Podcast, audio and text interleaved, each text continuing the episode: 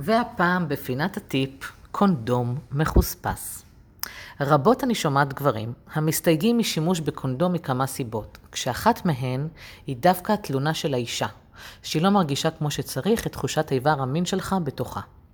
נכון שגברים גם מביאים לידיעתי שגם הם חווים פחות תחושה שהם מקיימים יחסי מין עם קונדום, אבל את הטיפ הזה אני מציפה דווקא לטובת הנשים, שבמישרין זה גם ישפיע עליכם, או, במ... או בעקיפין. מטרת הטיפ הזה זה לעזור לכם הגברים עם ההנאה של האישה. ובאמת אני מדברת על קונדום עם חספוס. למה אני מעלה את הטיפ הזה?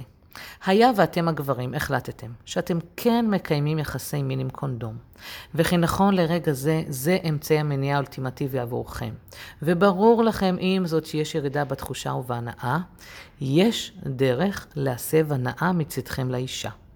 הרי גם ככה אתם משתמשים בקונדום, אז, ואתם גם מודעים להשלכות שלו, אז לפחות להביא אחד כזה שירים בדרגה אחת מעלה את ה... תחושה של הגירוי של האישה.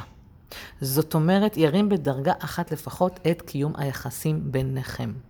כשאישה חווה בחלל שלה קונדום שיש בו חספוס, יש לחלוטין עלייה ברמת הגירוי. היא לא מרגישה שהיא עובדת על ניוטרל, על אותם קונדומים חלקים שכביכול אין תחושה איתם. כשהאישה מלאת הנאה עקב כך, מן הסתם זה משפיע גם עליך.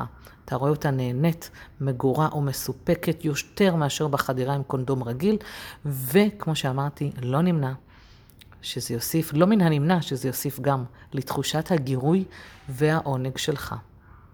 אז נכון שקונדום מחוספס הוא לא כמו תחושה של איבר מנחה, אך בהחלט כשתביא אותו למפגש, הסשן הזה יתקיים אחרת. בשוק ניתן למצוא סוגים מגוונים של קונדומים עם חספוס, זה ממש ממש רשום על האריזה. מאחלת לכם הנאה מרובה, אז יאללה, לכו תהנו. מוגש ממני באהבה, שלומית וולפין.